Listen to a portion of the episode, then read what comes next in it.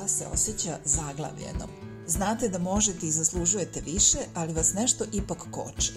Hajde da zajedno osvistimo koji su to načini razmišljanja i navike koje nas putavaju da napravimo korak dalje ka boljoj verziji sebe. Moje ime je Marijeta Pevec, bavim se coachingom, a u mom podcastu Uzaludna perfekcioniskinja pričat ću o perfekcionizmu, kako se sa njim borim celog svog života, ali i o drugim navikama i uverenjima koje nas žene sputavaju da postignemo rezultate i uspehe koje želimo.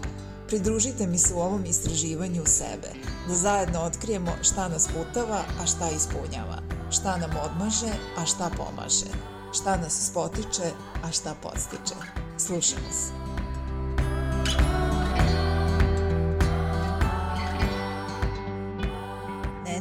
Obično dan kada snimam podcast. Tada imam najviše vremena i mogu opušteno i sa puno pažnje da osmislim o čemu želim da pričam i da to snimim. Međutim, ovog vikenda sam imala edukaciju iz psihoterapije i potpuno sam se iscrpela. Te mesečne vikend edukacije su inače za mene jako zamorne. Ja u njih uđem svim svojim bićem, prisutna sam fizički, mentalno i emotivno, svaki proces provučen kroz sebe, osjećam empatiju i za sebe i za druge i to me sve energetski istroši. Međutim, ovaj vikend je bio teži od prethodnih jer sam prošla kroz jedan vrlo iscrpljujući proces. U subotu sam sebi rekla, ajde danas ne moraš ništa drugo, samo odmori i spremi se za drugi dan edukacije. U nedelju sam sebi rekla, sada si potpuno iscrpljena i apsolutno nema smisla da se teraš da danas snimaš podcast. Onda je došao ponedeljak, a ja sam shvatila da sam i dalje umorna, ali da osim tog fizičkog umora, da, os da se osjećam i poprilično prazno. Psihički i emotivno potrošena. Ali osjećam obavezu da ipak nešto snimim. Ne želim da izneverim ljude koji me prate i slušaju i koji očekuju novu epizodu svakog ponedeljka. Ne želim ni da dajem nekakve izgovore zašto je nisam snimila. Prelistavam svoju banku ideje u nadi da će me neka od tema inspirisati, neki citat pokrenuti. To obično pomaže, ali ne i ovog ponedeljka. Osjećam da se guram, da se silim i da pokušavam da iscedim vodu iz kamena.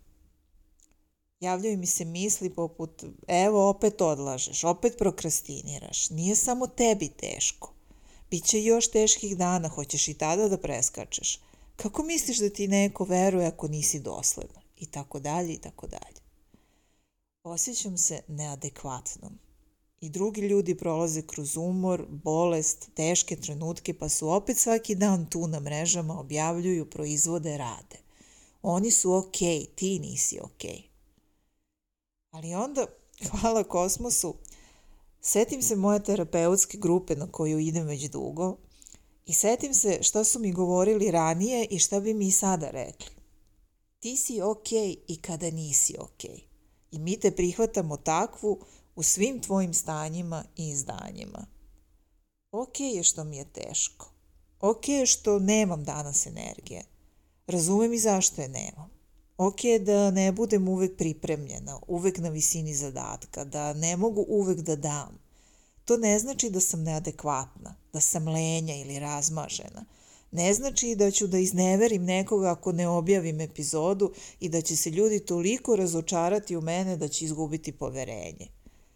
Ja sam ipak samo ljudsko biće i kao takvo imam pravo na grešku, na slabost i na loš dan. I gle čuda, čim sam sebi dala dozvolu da ne budem danas ok i da ne moram da objavim ništa ako ne osjećam da imam šta da kažem, iz mene izašla ova epizoda. Želela sam da sa tobom podelim ovo osjećanje i ovo stanje. Da znaš da si i ti ok čak i kada nisi ok. Da ne moraš da budeš uvek uključena, prisutna, da postižeš rezultate i daješ vrednost da bi bila ok da bi bila prihvaćena i zasluživala ljubav, pažnju, uspeh i poštovanje. Super si takva kakva jesi, dovoljna si i daj sebi dozvolu da budeš loše, da budeš umorna, da nešto ne možeš, da nešto nećeš. Za danas je ovo moj maksimum i nadam se da je dovoljno.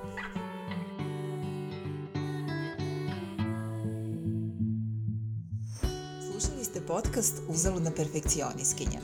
Hvala vam što ste tu, što delite sa mnom svoje vreme, probleme i iskustvo i što imate radoznalost i volju da radite na sebi. Ovaj podcast možete pratiti na podcast platformama poput Spotify-a i Google podcasta, a svi linkovi su u opisu ove epizode. Ukoliko ne želite da propustite sledeću epizodu, možete me zapratiti na podcast platformi koju koristite. Pozdravljam vas do naredne epizode.